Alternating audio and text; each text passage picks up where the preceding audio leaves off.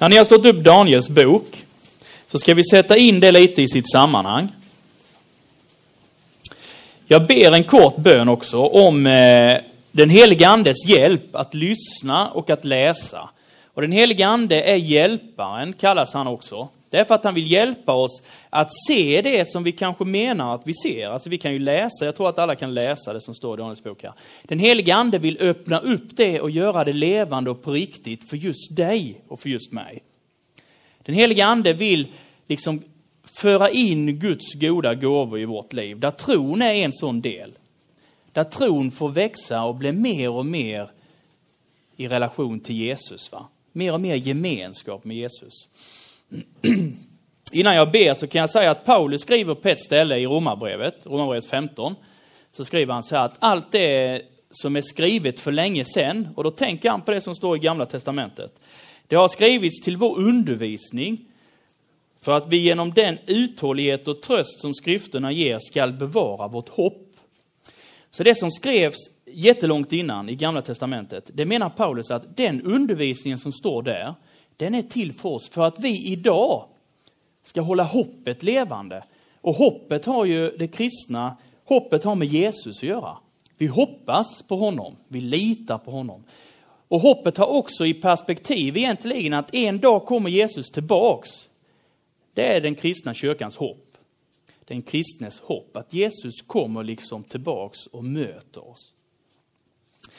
För att hålla det hoppet levande och därmed också tron levande så är det viktigt att leva med i de berättelserna som skrevs för länge sedan, som Paulus menar. Så när vi nu läser Daniels bok så är det en berättelse nu vi kommer in i som kan ge oss den tro som frälser, men som också kan uppmuntra oss så att det hoppet vi har på Jesus, att det kan få liksom vara kvar, men att det också kan växa och förstärkas och bli ännu mer Jesus.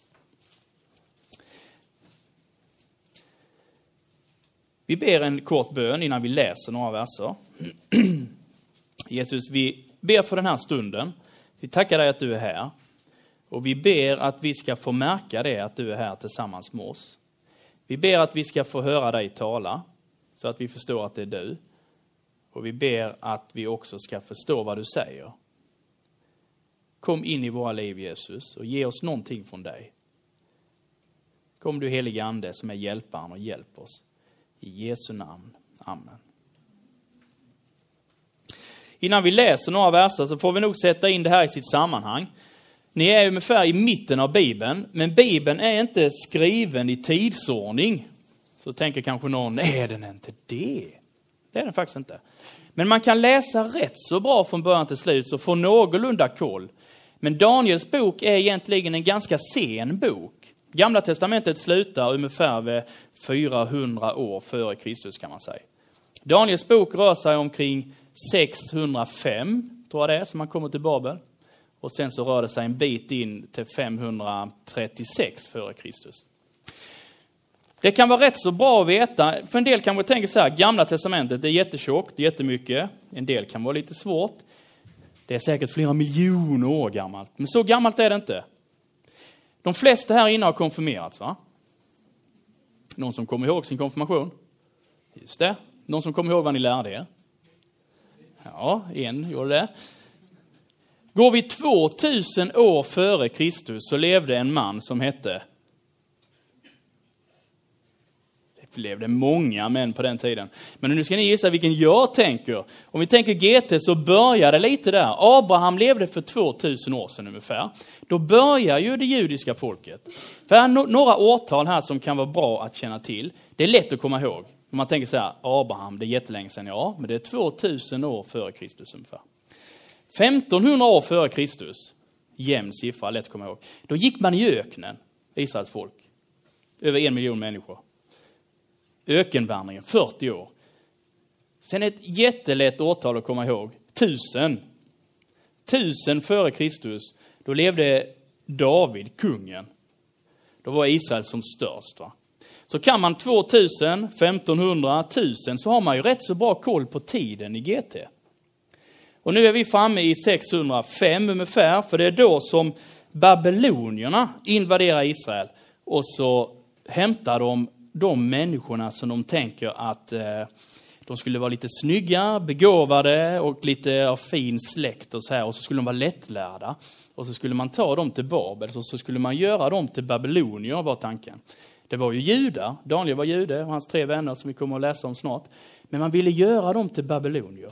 Och då ville man inte göra det med vem som helst, utan man ville göra det med de som var lite bättre och finare. Så. Nu tänkte jag när jag stod och tittade på er här, vilka hade man valt då? Jakob är för gammal, han är svår att lära. Det hade fått vara någon av er yngre då, som ser bra ut och lättlärda, intresserade. Om vi kollar i det första kapitlet. Om ni någon gång läser Daniels bok så kan ni känna till detta att de första kapitlen handlar om berättelsen om Daniel och hans vänner. Den sista delen i Daniels bok handlar väldigt mycket om de drömmar och syner som Herren uppenbarar för Daniel, när han får se in i framtiden. Vad kommer att hända med Babel? Och vad kommer att hända tiden innan Jesus kommer, alltså Messias kommer? Vad kommer att hända i Israel och Jerusalem? Jerusalem förstördes ju år 70 av romarna till exempel. Det är någonting som David får se in i framtiden. Samtidigt också, vad händer när vårt hopp kommer tillbaks? Alltså den allra, allra sista tiden på jorden. När Jesus kommer tillbaks. Där är också väldigt många drömmar och syner framåt där. När man läser slutet av Daniels bok så kan man tycka att det är lite förvirrande att läsa. Då kan man se till att få tag i någon bra bok som handlar om Daniels bok. Så kan man läsa Daniels bok och den boken som är bra så kan man få lite lagom förklaring ungefär vad det betyder. Det som är intressant där, som kuriosa, det är att när Daniel får liksom berätta det han har sett om framtiden. Så när man läser något kapitel där så kan man se liksom in i minsta detalj vad som händer innan Jesus kommer som första gången. Va? Alltså innan han föds, år noll då. Som inte fanns då. Då är det ju Alexander den store och romarriket och så här. Va? Det står nästan i detalj. Och då menar många som är kritiska, ja men Daniels bok är nog skriven efter allt det här, för så exakt kan man ju inte vara. Men det är så som Bibeln ofta är upplagd, va? Att Gud får tala till någon människa som får säga att det här och det här kommer att hända sen. Och lev då på det här sättet så att ni kan leva med Herren under den tiden också. Mm. Vi kommer till att läsa några verser ur första kapitlet nu. Och vi läser, eh, jag kan läsa här då så hör ni alla bra. Jag läser lite från början. I Juda kung Jojakims tredje regeringsår kom Nebukadnessar, kungen i Babel, mot Jerusalem och belägrade. Och Herren gav Jojakim, kungen i Juda, i hans hand, liksom en del av kärlen i Guds tempel. Och Nebukadnessar förde in dem i sin Guds hus i Sinias land, alltså det är babyloniernas kung. Nebukadnessar. Kärlen förde han in i sin Guds skattkammare. Och så befallde, sin första, be, be, befallde han sin första hovmarskalk Aspenas, spenat tänkte jag läsa, men det var fel. Att han av Israels barn skulle låta hämta unga män av kunglig släkt eller av förnäm börd, sådana som inte hade något kroppsligt lyte. Alltså då var man liksom inte felskapad, va? man var helt frisk utan var vackra att se på. De skulle kunna tillägna sig all slags lärdom, vara kloka, ha lätt för att lära och vara dugliga att tjäna i kungens palats. De skulle få undervisning i kaldéernas språk och litteratur. Kungen bestämde åt dem en viss tilldelning för var dag av sin egen mat och av det vin han själv drack. Han befallde att man skulle lära upp dem i tre år för att därefter skulle tjänstgöra hos kungen. Bland dessa var Daniel, Hananja, Misael och Asaja av judastam. Men förste hovmarskalken gav dem andra namn. Daniel kallade han Beltesassar, Hanania Sadrak, Misak Mesak, Misael Mesak och Asarja Abednego. Men för Daniel var det angeläget att inte orena sig med kungens mat eller med vinet som han drack och han bad förste hovmarskalken att han inte skulle tvingas orena sig. Vi stannar lite där. Nu är det fyra stycken unga människor från Juda som har kommit till Babel. Har ni någon susning om ungefär vilken ålder? Ja, det skulle man kunna tro. 17 ligger ju väldigt nära. Man vet ju inte exakt, men många menar att det var tonåringar i sina tidiga år, alltså kring 16 år, 17 år. Är han någon som är 16 år just detta året, 2013, här inne? Några. Är det inte fler än två? Tre?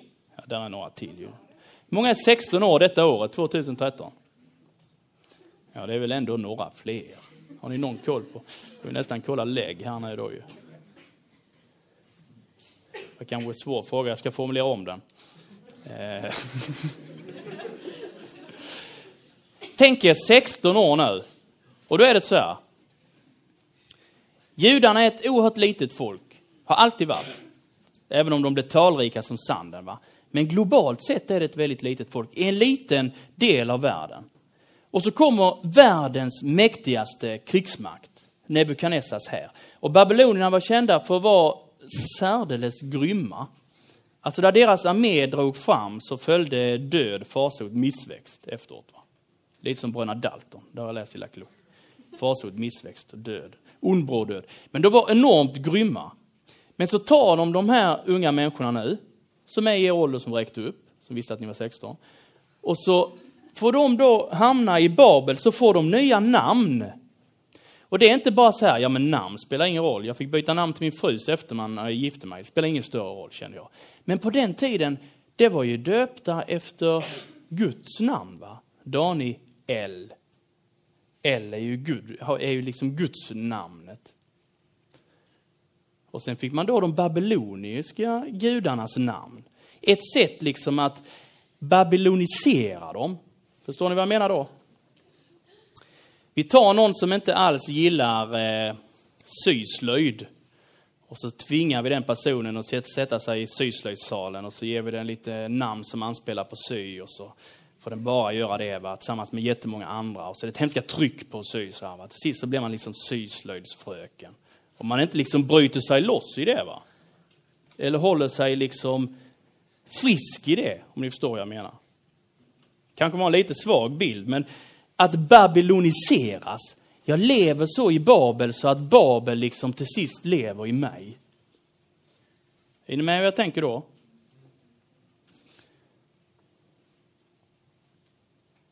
Det kan vara så ibland på TV när de intervjuar människor som är svenska då och så har de då genom att de blivit lite halvkända bott i USA en tid.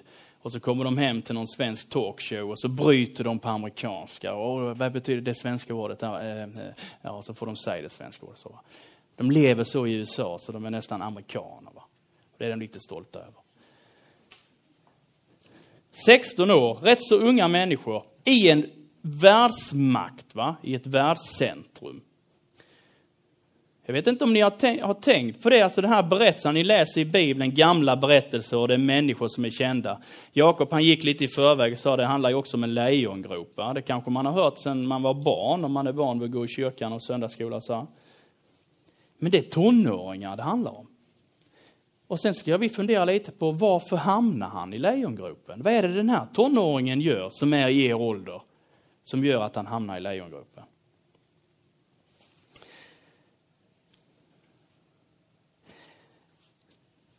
Huvudtemat i hela boken kan man säga för oss som läser det idag, kan man formulera ungefär så här.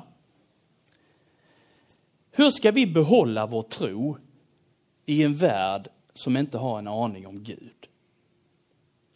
För det tror jag är, när vi läser Daniels bok, Daniel lever i en värld som är så långt ifrån Israels Gud som möjligt. Det finns massa andra gudar, på samma sätt som det finns i vår värld idag. Va? Det finns massa med gudar i vår värld idag. Då tänker jag Gud är den som man liksom förväntar sig allt möjligt gott ifrån. Va? Konsumtionen, det är en form av Gud. Va? Man förväntar sig allt gott genom att köpa, genom att handla, genom att få mer, genom att få finare. Det finns många gudar i vår tid. Hur behåller vi vår tro? Så att vi inte till sist äts upp av en annan gud. Eller lever med en annan gud. Som inte är den enda verkliga guden. Och det är utmaningen för Daniel och hans vänner här. För vi förstår ganska snabbt i vers 8 va. Men för Daniel var det angeläget att inte orena sig med kungens mat eller med vinet som han drack. Och så bad han att inte få tvingas att orena sig. Och då tänker jag lite så här, han är 16 år. Vad är det som gör, vad är det som, som menas med här då? Han vill inte bli oren. Blir man oren om man bjuds på mat av någon annan? Är det någon här inne som har ätit mat som någon har bjudit på? Nu så är det bättre minne. Ni vet inte om ni är 16 eller 17, men ni har ätit av andra. Det var ju härligt ju. 16 år, och så tänker man så här, vad har han då koll på? Jo, då har han koll på tredje Mosebok. I tredje Mosebok står egentligen bara regler. Det är lite överdrivet, det är mycket, mycket bättre än så. Men det står massor med regler i tredje Mosebok. Bland annat om, som jude är man Guds folk, man tillhör Guds folk. Och då är man liksom i relation till Gud.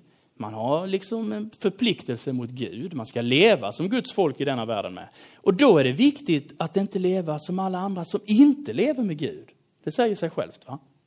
Ska jag leva med Gud men det är inte så många andra som gör det, ja då lever de ju någon annanstans. Nu är Daniel i Babel, de lever någon annanstans. Utan Gud. Va? Men han vill inte leva som dem. För han vill ju leva med Gud. Va? Och är han 16 år och han har koll på tredje Mosebok. Han vet vad som är Guds folks väg. Det här är liksom det som Gud vill. Och det är angeläget för oss. Han talar nog för sina tre vänner med, märker vi sen. Att vi vill fortsätta leva med Gud, den enda sanne guden. Vi vill inte leva med de här gudarna ni har i Babel, för i vårt, i vårt perspektiv så är det inte gudar. Det är liksom bara som människor har kommit på. Så när de nu kommer in i den här eh, hjärntvättsindoktrineringsgrejen, för det är ju det det ska handla om nu. Nu ska de här vännerna leva vid kungens hov, nära kungen, och så ska de liksom bara babylonisera dem järnet. Va? Genom maten, genom namnen, genom kunskapen de får i sig. så. De, fick ju, de skulle ha lätt för att lära, de skulle lära sig massor. Allt det som kunde göra att de kom bort från Gud. Att de blev eh, som, som en av dem i Babylonien. Då. Är det någon som ringer någon klocka så här, för när man lyssnar på undervisning, när man lyssnar på bibliska texter, så är det ju bra om tanken går igång lite. Finns det någonting som påminner om den tiden som jag lever i då? Kan jag liksom dra paralleller från det som sägs och det jag läser i Daniels bok till mitt liv idag? Finns det någon form av tryck på mitt liv från de människor jag har runt omkring mig att vara som alla andra? eller vara som dem och som kanske inte själva följer Gud eller som inte själva känner att det är angeläget att följa Gud. Kanske sitter du här inne som känner att för mig är det angeläget att leva med Jesus. Va? Och att leva så, så att jag kan följa Jesus, så jag inte lever någon helt annanstans. Vad är det i mitt liv liksom som försöker komma in och ta plats på bekostnad av det som har med min tro på Jesus att göra? Är det angeläget för dig att behålla tron på Jesus? Är det angeläget för dig att behålla tron på Jesus? Det är en viktig fråga. Det som nu händer i texten, vi läser några verser till från vers 9. Gud lät Daniel finna nåd och barmhärtighet inför förste hovmarskalken. Men denne sa till Daniel, jag fruktar att min herre kungen som har bestämt vad ni ska äta och dricka ska finna att ni är magrare än de unga män som är jämnåriga med er. Ni kommer då att dra skuld över mig inför kungen. För nu är ju tanken så här va. De äter ju all möjlig mat i Babel då, gärna fet mat, kött och grejer, mycket eh, mumsig mat så.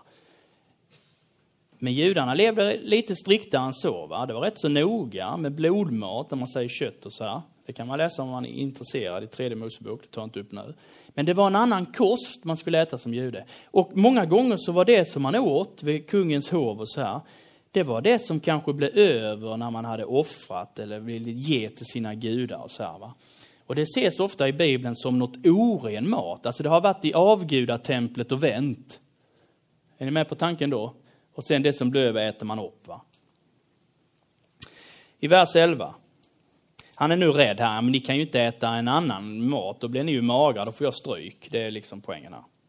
Då sa Daniel till hovmästaren som förste hovmarskalken satt över Daniel, Hananja, Misael och Asaja. Gör ett försök med dina tjänare i tio dagar, låt oss få äta grönsaker och dricka vatten. Det blir man inte så fet på va? Jämför sedan med de unga män som har ätit av kungens mat och gör med dina tjänare efter vad du då ser. Han lyssnade till deras begäran och gjorde ett försök med dem i tio dagar. Efter tio dagar visade det sig vara vackrare att se på och mer välnärda än alla de unga män som hade ätit av kungens mat. Hovmästaren lät dem då också i fortsättningen slippa den mat som hade varit bestämd för dem och det vin de skulle ha druckit och han gav dem grönsaker istället. Ja, det kan man ju dra lite på smilbanden åt nu. Vad är det som händer? va? Vad är det som har hänt? Jo, det börjar med att Daniel och hans vänner känner att det som ni nu vill att vi ska göra, det tror vi inte att Gud vill att vi ska göra. Därför ber vi er om att få göra det som vi vet att Gud vill, alltså vår Gud vill att vi ska göra. Och så får ni jämföra efterhand. Det Daniel gör då är så här att jag vill inte göra någonting som inte Gud vill att jag ska göra.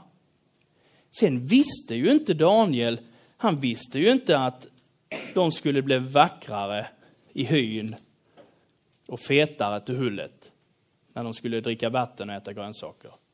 Men det Daniel gör, det är det som ligger på hand, va? Som en människa i Guds folk. Om vi tänker oss idag, som en kristen i Kristi kyrka på jorden. Vad är vår uppgift? Jo, vår uppgift är att leva i lydnad i det som är Guds vilja. Ett tema på det här läget är ju lyda.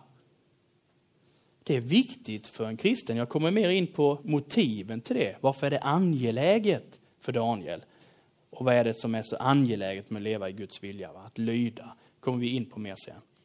Men Daniel menar att det här vill inte Gud, det vill inte jag heller då. Sen hur det skulle gå, eller vad Gud skulle göra åt det, det har han ingen aning om egentligen. Ibland när vi läser sådana här berättelser så tänker vi, ja men det är inte så svårt. Det här var en person, Daniel, han, han, han levde liksom i tro. Han ville inte äta fel mat, han åt rätt mat och så blev han jättefet och jättevacker. Det låter ju väldigt enkelt, va? Men så enkelt är det ju inte. De hade ju ingen aning vad som skulle hända med dem. Men de ville inte göra det mot det som de visste eh, var rätt. Va? De ville leva rätt. Sen vad, som, vad Gud gör av det valet, det är ju upp till Gud. Det är Guds ansvar. Va? Är ni med på den tanken? Det är ju att leva i tro. Att leva i tro är inte så här, va? Ja, men jag gör detta för jag vet att Gud sen kommer att göra så då, bara för jag gör det. När leva i tro är, jag gör detta därför att det tror jag är det som Gud vill. Sen vad Gud gör av det som jag gör eller inte gör, det är bara han som vet. va? Och det visar ju sig i efterhand. Under tiden får man leva i tro. Kan ju ha varit så att Daniel och de var lite nervösa och kollade på varandra varje morgon och så har det blivit lite, några mer kilo nu. Lite större handtag här bak och sådär. Det vet man ju inte. Det kunde vara nervöst. Vad hände om de ställdes fram magra och bleka, fulare än alla andra? Ja, då hade de kanske hamnat någon annanstans. Eller några decimeter kortare, vet man ju inte. Daniels vänner verkar ha en enorm kärlek till Guds folk och till Guds vilja och till Gud själv. För det, nu läser vi ju inte allt i Daniels bok, men det, det visar sig så tydligt att de, de vet vilka de är och de vet vem Gud är. Och de är angelägna om att leva med Gud även när de lever i Babel. Det är någonting att fundera kring i våra liv idag. Va? Vi lever i en tillvaro som inte egentligen har en susning om Gud. Det finns ett tryck på oss som är kristna idag att leva som alla andra.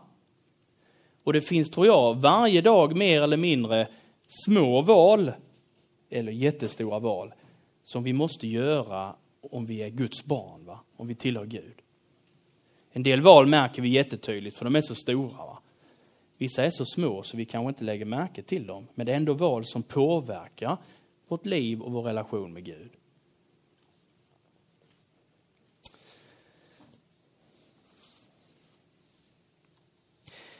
För att dra parallellen till våra liv så tänker jag så här. Paulus skriver i Andra Korinthierbrevet 5, så skriver han så här. Om någon är i Kristus är han en ny skapelse. Det gamla är förbi, se det nya har kommit. Är du döpt och tror på Jesus, det är ju så en kristen beskrivs i Guds ord. Va? Genom dopet och tron så lever vi i gemenskap med Jesus. Jag har kanske ofta hört att tron är en relation. Tron är ju mycket mer en relation, ett liv tillsammans med Jesus, än en tanke. Eller en idé. Eller en övertygelse i eh, det fysiska, psykiska. Va? Så här, va? Är vi döpta och vi tror på Jesus så är vi förenade med Jesus. Och då är vår kallelse att följa Jesus varje dag. Och då säger man ofta så här, vi följer Jesus i tro, säger man. Varför kommer det in där? Det kan man nog förklara på många olika sätt. Men det jag vill lyfta fram idag är liksom att vi följer Jesus varje dag i tro på honom och i tron och övertygelsen om, mer eller mindre övertygad, men vi tror och litar på att det här med Jesus är verkligheten själva. Och att han vet vad som är den goda vägen genom livet, eller Guds goda tanke med mitt liv. Vad är Guds väg? Ja, det får vi ju hjälpas åt och se genom att läsa och lyssna i det han har skrivit i, i sitt ord, genom att dela med varandra, genom att fråga Gud i bön. Vad vill du att jag ska göra? Hur ska jag göra här? Och så följer vi Jesus i tro. Vi ser inte konsekvenserna av det livet vi lever på samma sätt som Daniel och hans vänner här. Men vi tror att Gud är en god Gud. Och när vi läser Daniels bok, vi kommer vidare till två korta stories sen, men så förstår vi att Gud, vi är övertygade om att Gud har all makten i himlen och på jorden. Även över kungen och det babyloniska riket, va? Nebukadnessar och babylonierna, som var det största och mäktigaste riket just då. Kronobergaren, du räcker upp båda. Du ville fråga något? Två frågor. Bara en. Ingen? Nej. Du såg så flitig ut där, vet du, så du lurar ju mig. Vi tar några minuter till innan vi tar en bensträckare. Om vi då funderar lite på hur är det med vår... Eh, är ni med om jag säger så här att Daniel han var, han var trofast Gud, det är ett gammalt ord. Alltså Daniel han höll fast vid Guds tankar om sitt liv i tro. Är ni med på den tanken? Trofast. Att hålla fast vid Gud. Och det är liksom tron i livet så. Daniel han höll fast vid Gud, han var trofast Gud Även om det handlar om att äta förbjuden mat. Och så är han då 16 år och så kände han till vad Guds vilja var. Och så kan man ju tänka lite så här, ja men är det så jättenoga egentligen? Alltså nu är vi inne i kapitel 1. Här handlar det om att han ska äta några grejer som eh, man kan tycka var det så noga. Om han äter det eller han äter det, vad spelar det för roll? Så, så tänker ju inte vi idag. Eller hur? Det vet jag inte om någon gör det, men jag bara tar för givet det. Det är inte så att ni tänker att den maten äter jag inte, för det vill inte Gud. Det är i och för sig om man stjäl mat, det vill ju inte Gud. Då äter man ju inte den va. Det är ju fel. Det är ingen som har gjort. Är det så noga med vad man äter? Ja, i gamla testamentet så hade Gud sagt att detta ska ni äta, detta ska ni inte äta. Det handlar ju om ett kött med blod i bland annat, va? alltså blodmat. Då. Eller det som är från orent, som har blivit orent, som jag sa, varit inne i avgudatempel och vänt till exempel. Så, va? Och det är även i Nya Testamentet, lite i den första församlingen, där fanns människor som var väldigt känsliga för det här. Vad är det för mat nu vi äter? Och då menar Paulus att, ja egentligen kan ni äta vilken mat ni vill, men för deras skull så gör vi inte det. För vi vill inte äta något som de liksom känner att det blir ett jätteproblem för dem. Det handlar ju om den kristna hänsynen gentemot varandra. Va? Vi kommer in mer på att leda sen, för då handlar det ibland om att förleda.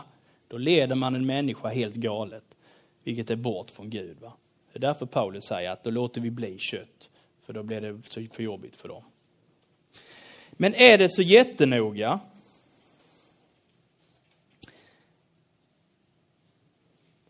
Och då är egentligen bara svaret så här. Om nu Gud har sagt, detta vill jag att ni gör. Detta vill jag att ni inte gör. Så kanske vi hamnar ibland där vi tänker, ja, ja, Gud vill det, men han vill inte detta. Men detta är väl inte så jättemärkvärdigt? Varför skulle, det vara, varför skulle inte det vara okej så? Ah, jag tycker inte det är så speciellt viktigt, va? så jag, jag gör det med. Va? Då har man redan gått liksom bredvid det som är Guds vilja.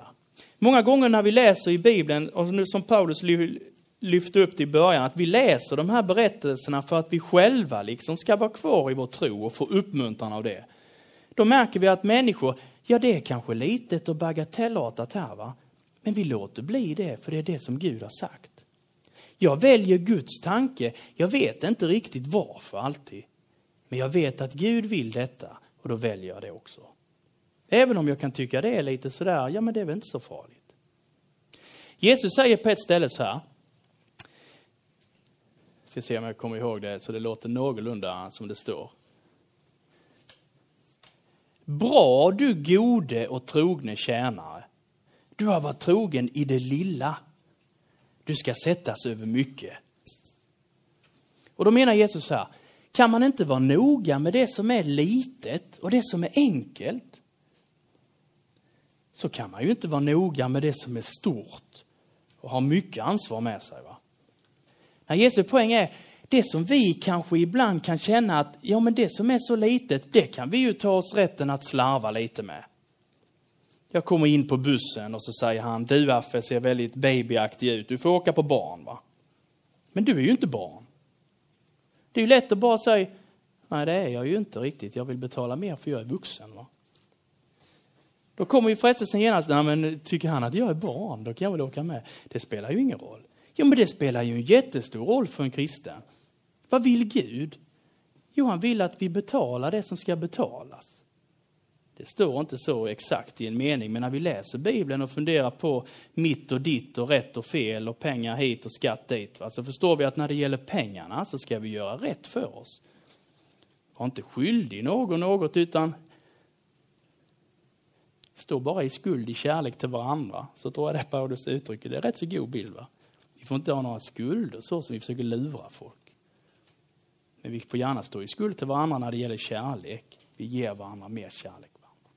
Parentes i och för sig. Är ni med på den bilden? Nej, men så kan man tycka, det är ju, det är ju så litet det här med, det går väl att åka med. Hoppas jag ser barnslig ut till jag är 37. Så kan jag åka billigt. Va? Det är ju ren stöld egentligen. Och då är Jesu poäng, kan man inte vara ärlig med det som är så enkelt? Hur ska du då kunna vara ärlig med det som är mycket större? Sen är inte poängen bara att man ska få det som är mycket större. Poängen är ju, vad är det Gud vill? Vad är Guds tanke i detta? Jo, det är att vi ska leva rent, va? Vi ska göra rätt för oss. Frestelsen tror jag för vår del många gånger är i det lilla, kanske mer än det stora. För ibland det stora valet är ju liksom eh, så dramatiskt. Så där har man kanske förstånd och besinning nog ibland att göra det som är rätt. Där ligger hundratusen i en ryggsäck på bussen sen när jag kommer in som inte är dina. Någon, någon har glömt det. Man kanske inte känner att man har samvete att ta hem det och behålla det. Va? Då gör man nog något med det. Man går till polisen. Va?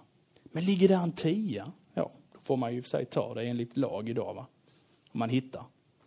När jag var barn så var det, hittade man 100 kronor tror jag det var, så skulle man lämna in det till polisen. Det var rätt så mycket pengar på den tiden. Faktiskt. Sen var det inte massor. Va? Men är ni med på vad jag menar där? Frestelsen för vår del hamnar kanske ofta i det som är så barnsligt enkelt, så vi lurar oss med att säga, ja men det är väl inte så noga. Vi kan ju göra lite som vi vill. Men frågan är vad Gud vill. Och när då vi ser på berättelsen här, det var väldigt angeläget för dem att göra det som var Guds vilja. Och då tänker jag så här, kapitel 1 handlar om det de äter. Kapitel 3, kommer jag bara att läsa någon vers i sen, det handlar om vem de tillber och dyrkar. Det är berättat om en ugn, inte en ugn som vi tänker oss en eh, köksugn, va? utan vi tänker oss en ugn, som det här rummet kan man säga, glödhet. Där hamnar några därför att de inte ville tillbe kungen. I kapitel 6 sen, så är det det som Jakob var inne på. Då hamnar Daniel i en grop full av lejon. Och det är för att han ville tillbe Gud Alltså Israels Gud. Och då tänker jag så här, häng med på den här linjen nu. Om inte Daniel hade försökt att undvika att äta Babyloniens mat, så hade det inte stått om en brinnande ugn i kapitel 3, och det hade inte stått om en lejongrop i kapitel 6. Är ni med på vad jag menar då? Ni som är det kan koppla av, så ska jag säga någonting mer. Jo, hade Daniel känt så här, ja, men det här med maten, det är ju, det är ju bara liksom lite löjligt i periferin, det skiter vi i. Då hade man inte heller stått fast i det som var svårare sen. Va? Sen skulle man tvingas att tillbe kungen Nebukadnessar. Man skulle falla ner vid en staty. Gjorde man inte det så hamnar man i den brinnande ugnen. Nej, de ville inte det heller där. De ville inte äta maten, de ville inte tillbe kungen, för de vill bara tillbe Gud. Och Daniel ville inte sluta att be till Gud, och därför så hamnar han i lejongropen. Av det kan vi lära så här att när vi känner att ja, men det här lilla enkla kan jag vara lite slarvig med, det är inte så noga. Det gör att vi inte fortsätter på den kursen som handlar om att följa Jesus. Väljer vi fel, om nu Jesus är så, va? han är mittgången, jag ska följa Jesus. Väljer jag fel, så går jag lite så. Va? Sen kommer nästa val. Ja, men det är ju inte så noga, för det var ju inte så noga här. Va? Ja, då hamnar jag där. Va? Sen kommer nästa val. Ja, men det kan ju inte vara noga, för det var inte så noga, det var inte så noga. Nej, nej, då hamnar jag här. Va? Och till sist så går Jesus där, och så går jag här. Är ni med på den bilden? Det är så synden beskrivs i Bibeln. Synden är att missa målet. Om nu Jesus är där och det är målet. När jag då väljer synden före Guds väg så hackar jag liksom ur sidan så här. Varje gång. va. Och till sist så har synden skilt mig från Gud och så går jag på syndens väg. Är ni med på den tanken? Det är viktigt. Och det börjar kanske med det lilla som vi tänker att nej men det är inte så noga så är det bara lite tack. Va? Men ofta så kommer det ny frestelse, ny möjlighet att synda och ny möjlighet att synda och ny möjlighet att synda. Till sist är man helt vilsen. Hur ska vi behålla tron i den värld som vi lever? Och den världen som inte har en aning om Gud. Daniel och hans vänner var trogna i det lilla, men också i det stora. Är det angeläget för oss att göra Guds vilja? Är det angeläget för oss att göra det som Gud vill att vi ska göra? Eller liksom dimmar vi ner vår tro? Om vi tänker oss att vi lever i en värld som inte känner Gud. Har alla någon form av dimmer där hemma i sitt hus, i sina föräldrars hus? Här är ju bara max va? Men man kan ju dimma ner så det blir lite mysigt. Då ser man inte så bra. Sen kan man dimma upp. Det är nästan så dimman försvinner. Va? Så kan det bli jätteljust. Rör jag mig, lever jag mitt liv så, så jag liksom tvingas att dimma ner min tro ständigt. Om ni tänker på de här valen här som går lite, blir lite galet så här, va? då dimmar jag ju ner min tro för varje steg jag tar. Daniel kunde ju valt och hans vänner att dimma ner sin tro lite i Babel. Nu blir vi som, någon av dem, som en av dem som är här. Va? Vi ligger lite lågt med vår tro. Ja, de levde med, det kommer när man läser Daniels bok, de levde med folket där, va? men de var väldigt noga med det som hade med Gud att göra. Och det stack ut i den miljön, för det var ingen annan i den miljön som levde som dem, som levde med Gud. När vi har fått sträcka lite på benen så ska vi fundera lite på vad är liksom motiven till att Daniel och hans vänner gör som de gör? Varför väljer de den här svåra vägen? Det ska vi fundera lite på sen.